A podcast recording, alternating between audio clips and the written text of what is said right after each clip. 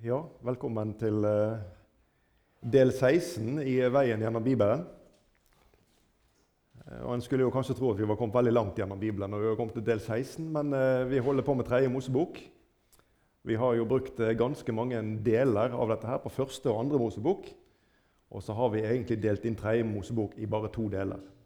Jeg skal komme litt mer tilbake til det. Tredje Mosebok er egentlig en bok vi kunne hatt veldig mange bibeltimer om. Men vi har prøvd også å oppsummere noen av de hovedpoengene gjennom bøkene, så vi skal ta det med oss videre inn i bibelhistorien. Så faller kanskje noen av disse brikkene på plass for oss, så vi klarer å se tråden. Og så er det jo grådig kjekt å se at uh, møtesalen ble halvert. Nei, det er ikke kjekt å se, men det er veldig kjekt i det perspektivet at uh, det var så mange barn som skulle på søndagsskolen i dag. Og det er jo en stor glede. Vi ber litt sammen før vi begynner på dette. Jesus, vi ber Herre om eh, åpne hjerter. Vi ber Jesus om eh, din ånds åpenbaring, Herre, for oss. Gi våre hjerters øye lys, så vi kan forstå de ordene som du vil vi skal dele sammen i dag. Amen. Tredje Mosebok eh, den er for mange nevnt som Den gamle pakts tjenestebok. Eller som nevnt De levittiske presters håndbok. Den gir veldig mange retningslinjer for hvordan prestetjenesten skulle foregå.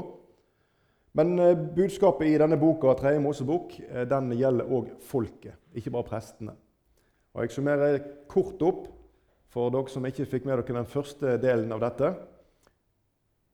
Tal til Israels barn og si. Den setningen finner vi 17 ganger gjennom Tredje Mosebok. Ehm, og Det forteller noe om at her er et behov for at Moses skal formidle noe til folket. Det er ikke bare til prestene som skal få ulike regler for den rituelle utførelsen av tjenesten. og sånn. Det er aktuelt for folket. Tal til Israels barn og si, sier Gud.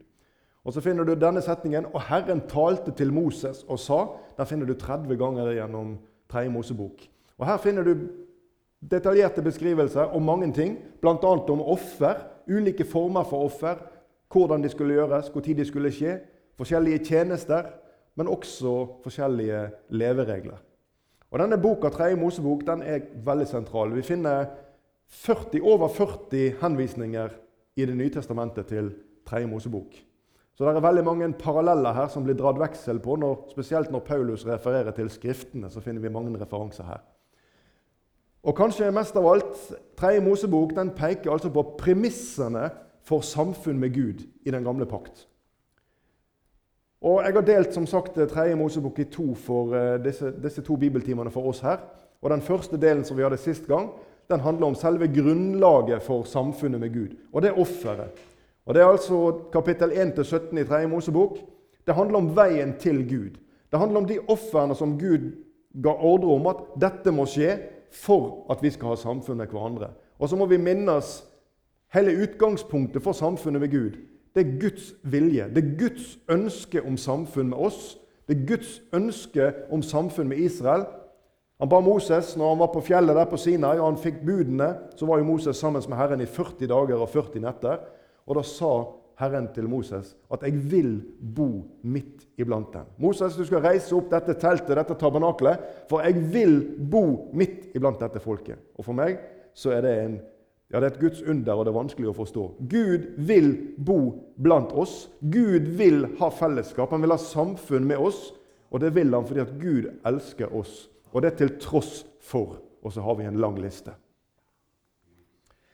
Den andre delen som vi skal ha for oss i dag, den handler om samfunnet med Gud, som òg forplikter til hellighet. Og Det er kapittel 18-27 der i 3. Mosebok. Det handler om vandringen med Gud. Og For deg som er kommet her til møtet i dag, så håper jeg at du er kommet her og at du er sulten. For vi har en god del bibelmateriale vi skal prøve å få med oss. Og skal vi prøve å gjøre dette her eh, ikke så altfor langt, for det er mye å si om dette. Men jeg, jeg håper likevel jeg kan få være med og peke på noen hovedpunkter her som handler om vandringen med Gud. Den første delen den omhandler liksom den seremonielle gudstjenesten. Og den andre delen av det vi skal snakke om, det handler mer om regler for det praktiske livet. Og Gud han angir jo sjøl grunnen til at folket her skal vandre i hellighet. Ja, han gjør det. Han leser, vi leser i 3. Mosebok 11,44.: For jeg er Herren deres Gud, og dere skal hellige dere. Dere skal være hellige, for jeg er hellig. 3. Mosebok 19,2.: Tal til hele Israels barn menighet og si til dem:" Dere skal være hellige, for jeg, Herren deres Gud, er hellig.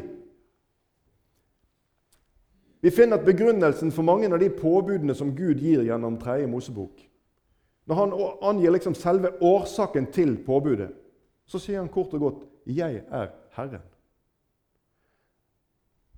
Dette alene skulle vi egentlig hatt bibeltime om, for dette handler om temaet gudsfrykt.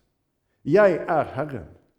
Det er grunn nok til å lytte til Herren. Det er grunn nok til å bøye seg under Hans vilje og vei, også på de dagene når det strider med vår egen vilje. Jeg er Herren. Og hva har Herren for øye for deg og meg? Han har vårt beste for øye. Han har vår frelse for øye. Gud vil oss bare vel. 3. Mosebok 1930. Mine sabbater skal dere holde og ha ærefrykt for min helligdom. Jeg er Herren. Eller i kapittel 20 vers 7. Dere skal hellige dere og være hellige, for jeg er Herren, deres Gud. Og et vers til, 22, 31. Dere skal ta vare på mine bud og holde dem. Jeg er Herren. Og vi ser det stadig. Jeg er Herren. Vi leste vers 44 i kapittel 11. Vi repeterer. For jeg er Herren deres Gud, og dere skal hellige dere. Dere skal være hellige, for jeg er hellig. Gud er hellig. Og den som skal ha samfunn med Gud, må være hellig. Den som skal være i Guds nærhet, må være hellig. Og så leste vi dette verset, vers 44. Og dere skal hellige dere. Hva betyr det? Vi skal gå litt inn i hva dette betyr for oss i det praktiske liv. For vi er gjort hellige og ulastelige og ustraffelige for Guds åsyn ved Jesu offer. Dette handler ikke om det. Hva handler det da om? Dere skal hellige dere. Er det ikke nok med troa på Jesus? Er det gjerninger vi må gjøre? Og Her er det mange som snubler i forståelsen av hva det betyr at vi skal hellige oss. Du, Det er to begrep som jeg har lyst til å ta med litt om her i formiddag. Det ene begrepet det handler om rettferdiggjørelse, og det andre det handler om helliggjørelse. Og Vi skal se litt på hvordan den gamle pakts ordning var, og hvordan disse to tingene er ordna i den nye pakt. Dette er viktige ting å holde rede på. For veldig mange opplever en kamp i forhold til de gjerningene som en har en opplevelse av at en, ikke, altså en kommer til kort. En klarer ikke å oppfylle Guds krav og bud og kjenner på nederlaget i sitt hjerte. Men dette handler ikke om, om din evne til å prestere for Gud. Dette handler om din, altså grunnlaget for nærheten til Gud, ditt samfunn med Herren. Rettferdiggjørelse skal vi se på først. Og Da må vi stoppe litt for brennofferalteret som finnes der i den gamle pakt. Og helt kort, Du husker hvordan det var organisert der i tabernakelet. Med forgården, dette store forhenget som var rundt hele området der tabernakelet sto reist. Og Når du går inn åpningen der, og det er en stor åpning inn der Enkelt å komme inn. Slik er det også med Guds rike. Han har gjort det enkelt for oss å finne veien dit. Når du kommer inn porten der, så møter du brennofferalteret. Det står 'reis der'. Går du videre inn på plassen, så kommer du til dette renselseskaret som prestene måtte rense seg i før all form for tjeneste de skulle gjøre. Enten det var inne i det hellige eller i det aller helligste, eller det var der ved brennofferalteret. Selve brennofferalteret der foregår det ofring daglig. Og Nå skal vi se litt på syndeofferet og det som skjer når synderen kommer inn og kjenner i sitt hjerte at han har forbrutt seg imot Guds krav og bud. Så leser vi fra 3. Mosebok kapittel 4 vers 29 hva presten skal gjøre. Han skal legge hånden på syndofferets hode og slakte syndofferet der hvor brennofferet blir slaktet. Vi ser for oss synderen som kommer inn, og som møter presten, og som har med seg et dyr. La oss tenke oss at han har med seg et dyr som han har med seg i bånd, kanskje. Så skjer dette at presten han legger hånden på syndofferets hode. Her foregår det noe som jeg håper du har sett deg sjøl i møte med Jesu kors på denne måten. For det er det som skjer på Golgata. Du skjønner, Her bytter synderen og offeret plass. Så når presten legger hånden på offerdyrets hode, så overføres all skyld til dette skyldløse offerdyret. Og så blir synderen fri. Og så tar presten dette offerdyret og legger det Nå skal vi lese her i vers 35 der videre i kapittel 4, 3. i Mosebok. Og presten skal brenne det på alteret sammen med Herrens ildoffer. Slik skal presten gjøre soning for ham for den synden han har gjort, så han får forlatelse. Dette er den gamle pakts bilde på forlatelsen for synd. For den som kommer og bekjenner sin synd, og som kommer med offeret, og så skjer denne gjerningen. Og så bytter disse to plass, og så går synderen ut igjen, helt syndfri og ren. I den nye pakt så finnes det også et alter med en annen form. Og du og jeg, vi er syndere. Men pga. Jesu lidelse og død på korset så er verket hans fullendt. Og Jesu blod det gjør det mulig å gi alle som vil bekjenne sine synder, og som tror på Jesus, en evig forløsning. Men hør her en stor forskjell. I den gamle pakt så kom synderen med stadig nye offer. Du skjønner, Verdien av Jesu verk det varer for alltid. Det trenger aldri å gjentas. Og Vi leser Hebreabrevet kapittel 9 vers 12. Ikke med blod av bukker og kalver, men med sitt eget blod gikk han inn i helligdommen. En gang for alle, og fant en evig forløsning. Hørte jeg hallelujaen her i salen her nå? En gang for alle, og fant en evig forløsning.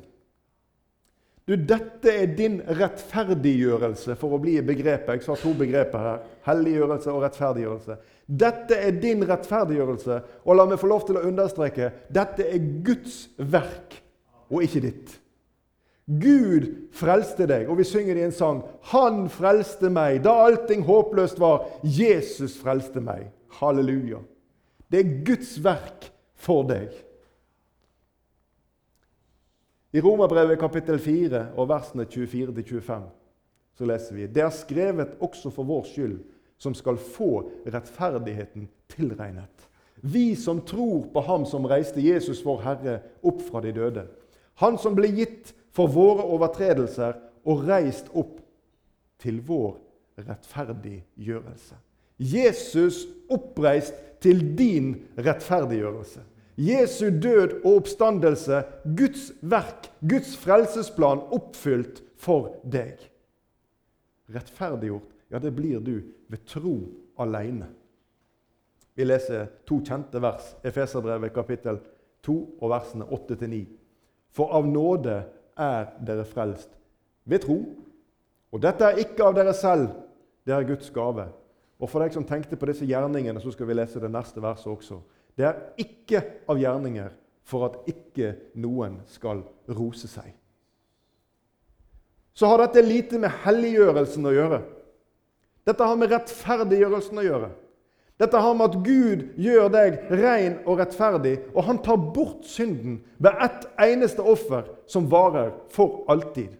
Og ved troen på Jesus så er du ren og rettferdig og himmelen verdig, slik som sangeren skriver det. Men der inne i forgården i den gamle pakt Nå har vi passert dette brennofferalteret. Og Litt lenger inne på plassen der så sa jeg at der står det et renselseskar. Og I dette karet så måtte prestene hellige seg for å kunne gjøre tjeneste. Vi leser fra 2. Mosebok, kapittel 30, og vers 20-21.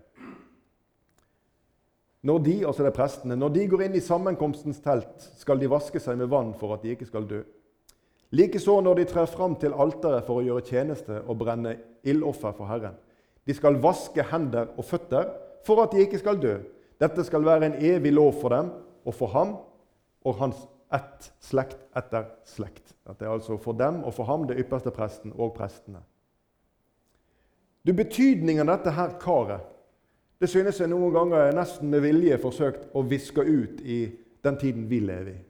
For dette karet det har en en spesiell og en viktig rolle for deg og meg som tror på Jesus. For dette karet det handler om et utgangspunkt for et liv i samfunn med Han. Det, ved dette karet så skjer det noe. Det skjer en istandsettelse til tjeneste. Altså, presten må vaske seg her før han skal gjøre offer. før han skal inn og gjøre tjeneste der i det hellige eller i det aller helligste. Dette handler om nærhet, og det handler om samfunn med Herren. Du Renselseskaret i den nye pakt det forklarer oss på denne måten at du er et Guds barn. Men fremdeles så blir du og jeg ureine ved synd. Men denne urenheten den forsvinner når vi bekjenner vår synd. Og så står det i Bibelen at Jesus han er vår talsmann hos Faderen. Og hør nå. Bibelen lærer oss at han renser våre føtter ved vannbadet i Ordet. Og dette er noe som må gjentas. Dette er ikke som med det offeret som er en gang for alle. Dette er noe som må gjentas. Vi leser Efeserne 5 og 25-26. Like som også Kristus elsket menigheten og gav seg selv for dem. Og hør For å hellige den ved å rense den i vannbadet i Ordet. Dette skal vi forklare litt mer. Men nå må jeg spørre deg Er frelsen da en slags sånn av-på-mekanisme? Er det sånn at eh, vi faller ut av frelsen fordi at ikke vi har vært via dette vaskekaret? Er det sånn at det som Gud sa, og dere skal helliggjøre dere, er det på en måte noe vi må sørge for å holde rede på for at frelsen skal være intakt? Nei. Du skjønner, Den dagen du sa ja til Jesus, så ble du det som Bibelen kaller i Romerbrevet 8.1. Da er du i Kristus. Du er ikledd Jesu rettferdighet. Så når Gud betrakter deg, så er du overkledd av Jesu rene vesen. Det Gud ser når han ser deg, det er den renhet som Jesus alene har. Gud betrakter deg likeverdig med sin sønn. Derfor er du også arving sammen med han. Og Jesus omtales i Bibelen som din og min bror. Så frelsen den er oppgjort ved Jesu offer, som gjelder for alltid. Men det vi snakker om her, det handler om samfunnet med Jesus. Det handler om samfunnet med Gud, og det handler om nærheten med Han. At du og jeg kan få kjenne Han i våre hjerter. At vi kan få oppleve at Han taler med oss, at Han åpenbarer ordet for oss. At han viser oss hva som er rett og galt. Så denne renselsen den handler om en istandsettelse til tjeneste og samfunnet med Gud. Du, denne renselsen den har en viktig betydning. Og Vi leste at prestene de vasker hender og føtter før de gjør tjeneste. Og det handler om denne helliggjørelsen. Og Hva betyr da denne renselsen, og hva handler dette egentlig om? Vi har et nytestamentlig bilde på dette. Når Jesus eh, samler disiplene og skal ha måltid med dem, det siste måltid, så husker du fortellingen fra Bibelen at Jesus han vasker disiplenes føtter. Og så husker du Peter. Han protesterte. Han gjør det av og til, Peter. Han protesterte at 'Nei, Jesus, du skal ikke vaske mine føtter'. Og Hør Jesus svar i Johannes 13, vers 8. Jesus svar til Peter.: Dersom jeg ikke vasker deg, har du ingen del med meg. Og legg merke til ordvalget som Jesus bruker her. Dersom jeg ikke vasker deg, har du ingen del med meg. Du skjønner, del i Jesus, det fikk du ved alteret. Det fikk du ved Jesu offer. Så har du del i Jesus. Du er iført Jesu renhet. Men del med Jesus, det handler om samfunnet med han. Det handler om at disiplene skulle være sammen med han og få ligge til bords med han og ha måltid sammen med han. Og for at det skulle skje, så måtte Jesus få vaske disiplenes føtter. Ikke tillate å ligge til bordet med urene føtter. Du skjønner, Det er to veldig forskjellige betydninger her. Dette med del i og del med. Og Dette renselseskaret det er for deg og meg. Og Det handler om at vi har stadig synd i våre liv. Vi har stadig urene tanker, og vi har ord og vi har gjerninger som krever en stadig tilbakevending til dette renselseskaret. Og slik var det også for prestene. Og det er derfor dette karet står der. Ellers så kunne jo prestene vært innsatt, og så var allting ferdig. Men Gud vet at prestene, og det skal du legge merke til hvis du leser andre Mosebok om tabernakler og hvordan alt dette var forordna i ørkenen, at av alt det vakre, av materialer og farger og mål og vekt som Bibelen bruker mye plass på å forklare om her, så vandrer fremdeles prestene rundt omkring i salen. Det er fremdeles i denne verden når de gjør sin tjeneste. Og Slik er det også med deg og meg. Og føttene våre ja, de blir også tilsmussa av det som er i denne verden. Men denne omgangen med ordet som Bibelen taler om her, det skal rense føttene. Og jeg bare, bare legg merke til at hvem er det som vasker her? Det er ikke en kamp for meg å gjøre rein mine føtter for at jeg skal være god nok til å ha samfunn med Jesus. Det er Jesus som setter seg på huk og som sier at 'jeg vil vaske føttene dine for at du skal ha samfunn med meg'. Det er Jesu tilbud til deg og meg. Du, Denne omgangen med ordet, med Bibelen, den rettleder oss. Og omgangen med ordet er en betingelse for at du og jeg skal kunne ha fellesskap med Jesus. Dersom jeg ikke vasker deg, har du ingen del med meg. Og merk igjen Jesus. Dersom ikke jeg, sier Jesus, vasker deg, bare legg merke til hvem som gjør hva.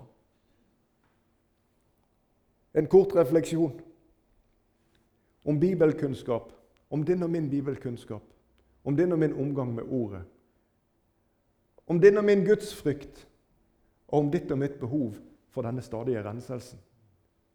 Jeg vet, jeg vet ikke hvordan ditt gudsliv fungerer på innsida der på skjorta. Alle er så fint kledd, og de kom her i arken, og alle ser både prektige og flotte ut. Men jeg vet ikke hvordan temperaturen er der inne i ditt forhold til Jesus. Men det jeg vet, det er at Jesus han ønsker at det skulle være brennende varmt. Jesus han har et ønske om at du skal få oppleve samfunnet med han.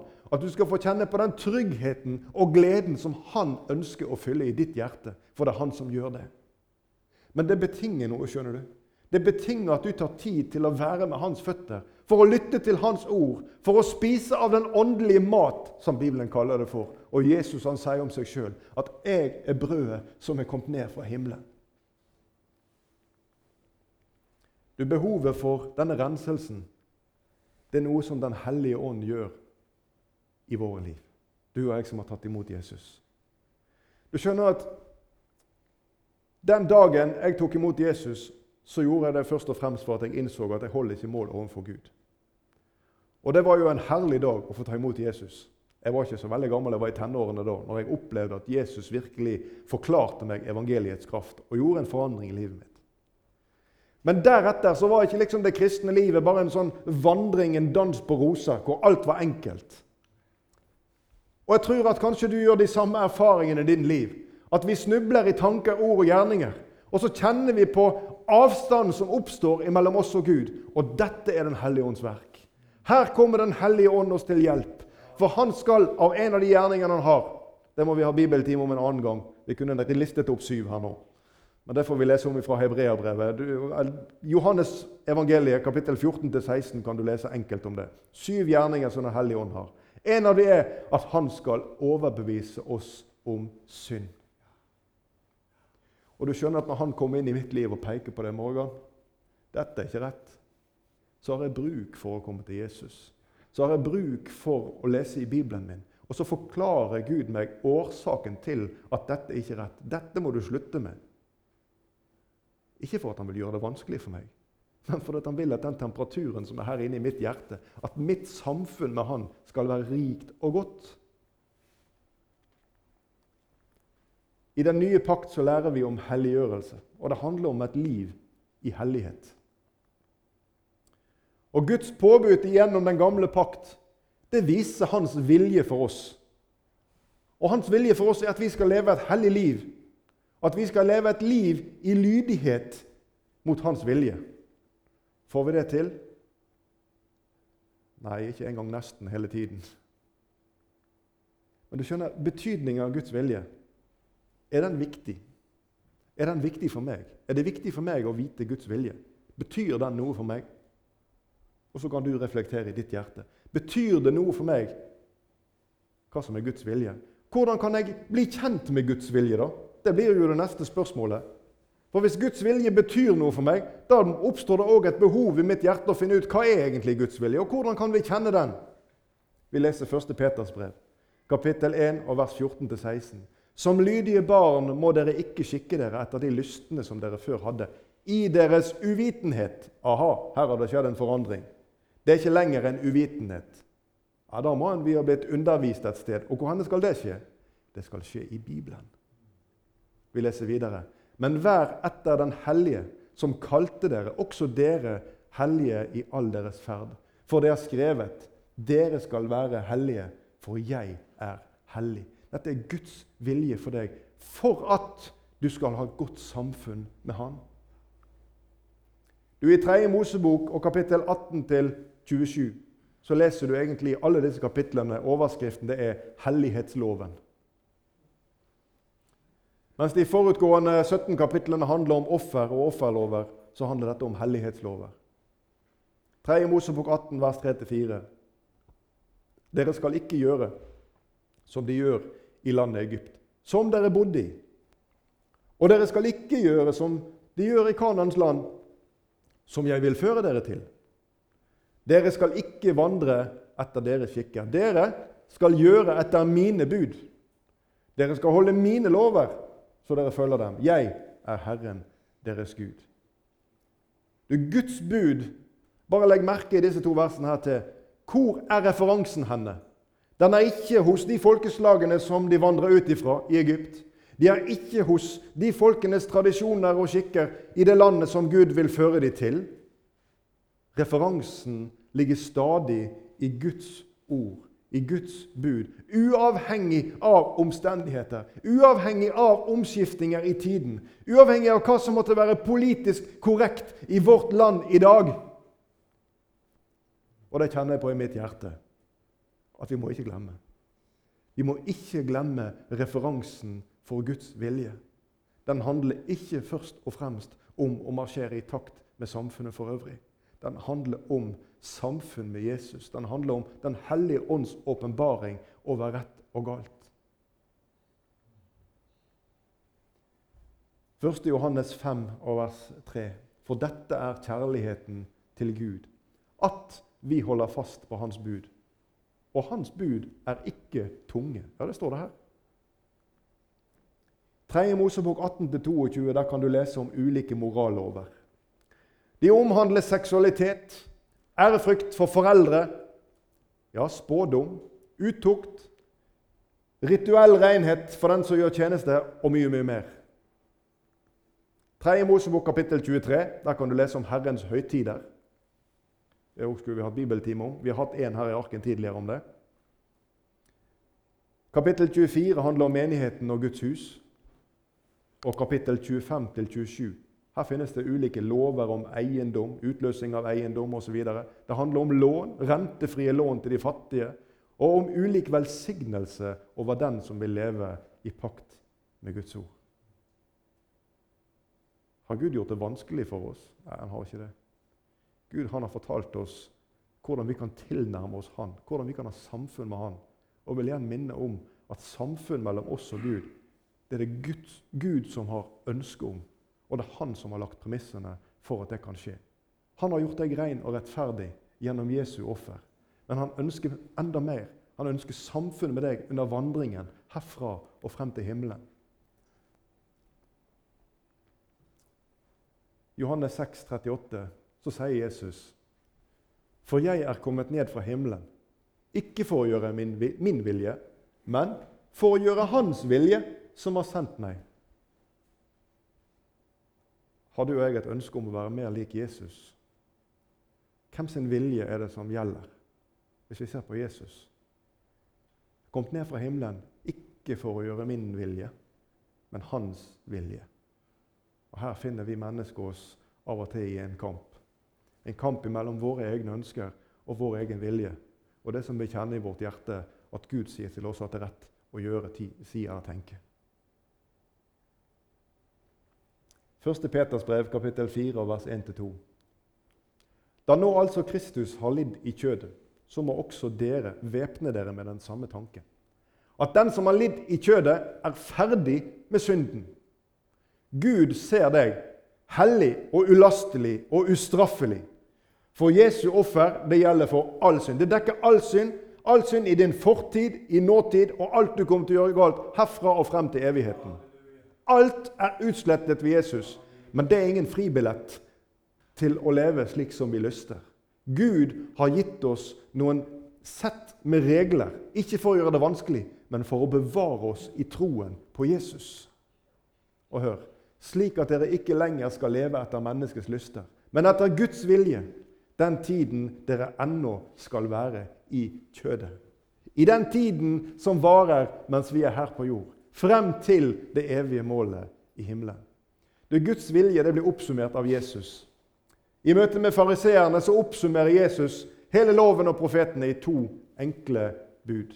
Og Det første av disse to budene finner vi her i Matteus 26, eh, 22 og vers 37-38. Eh, Han sa til ham, 'Du skal elske Herren din Gud av hele ditt hjerte' 'og av hele din sjel og av all din forstand.' Dette er det første, største og første budet.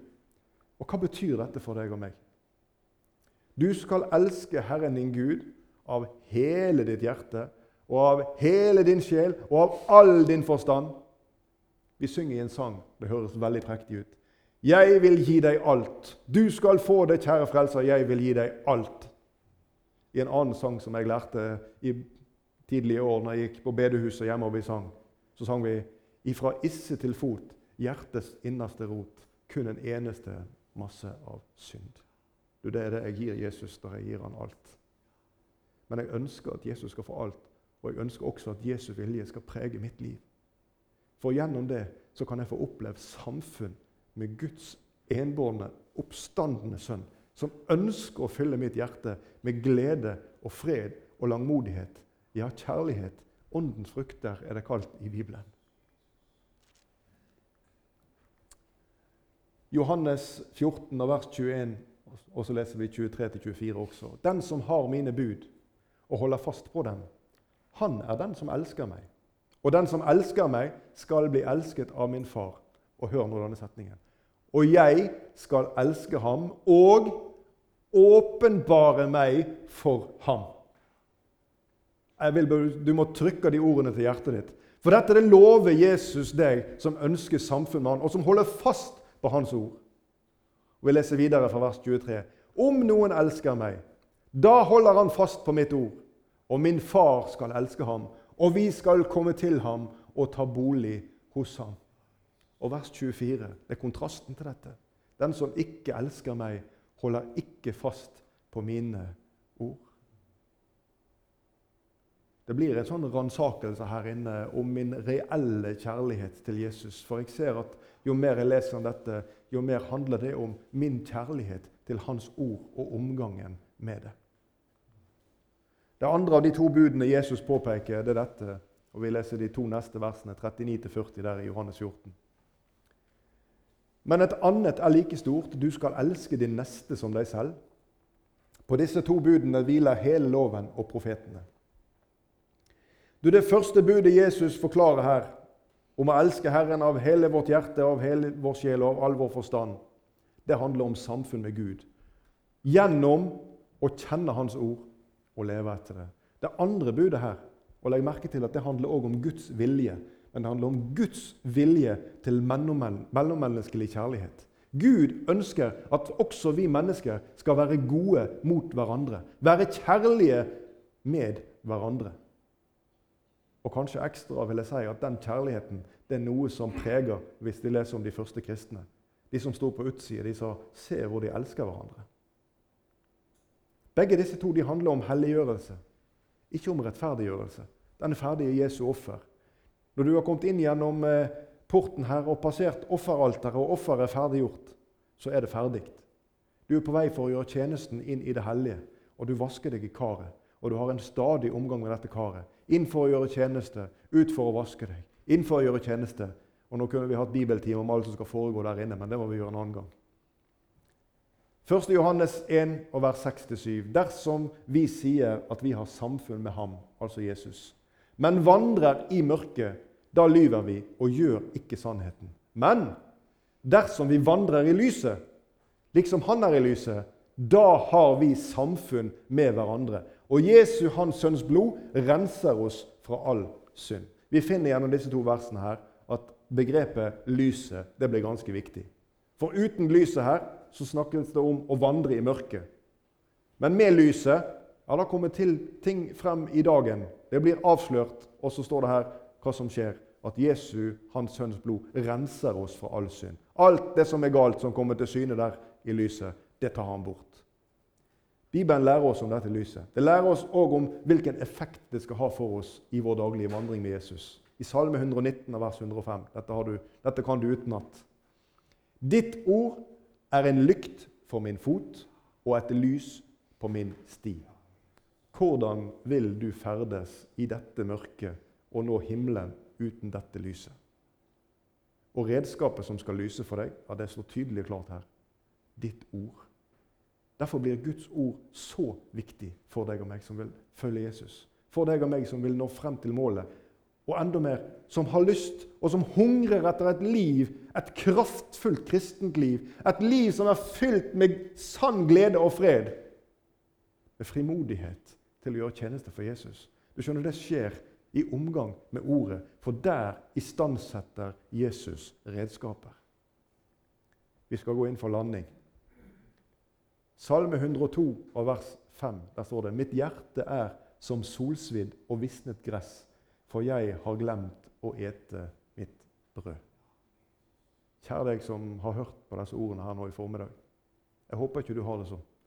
Jeg håper ikke at du har et kristenliv som på en måte er helt på tomgang. Og det er så vidt at du klarer de slakke oppoverbakkene, for det er ikke mer krefter igjen. Jesus ønsker å fylle ditt hjerte. Jesus ønsker å gi deg nye krefter. Jesus han ønsker at du skal få oppleve seier over synden i ditt liv.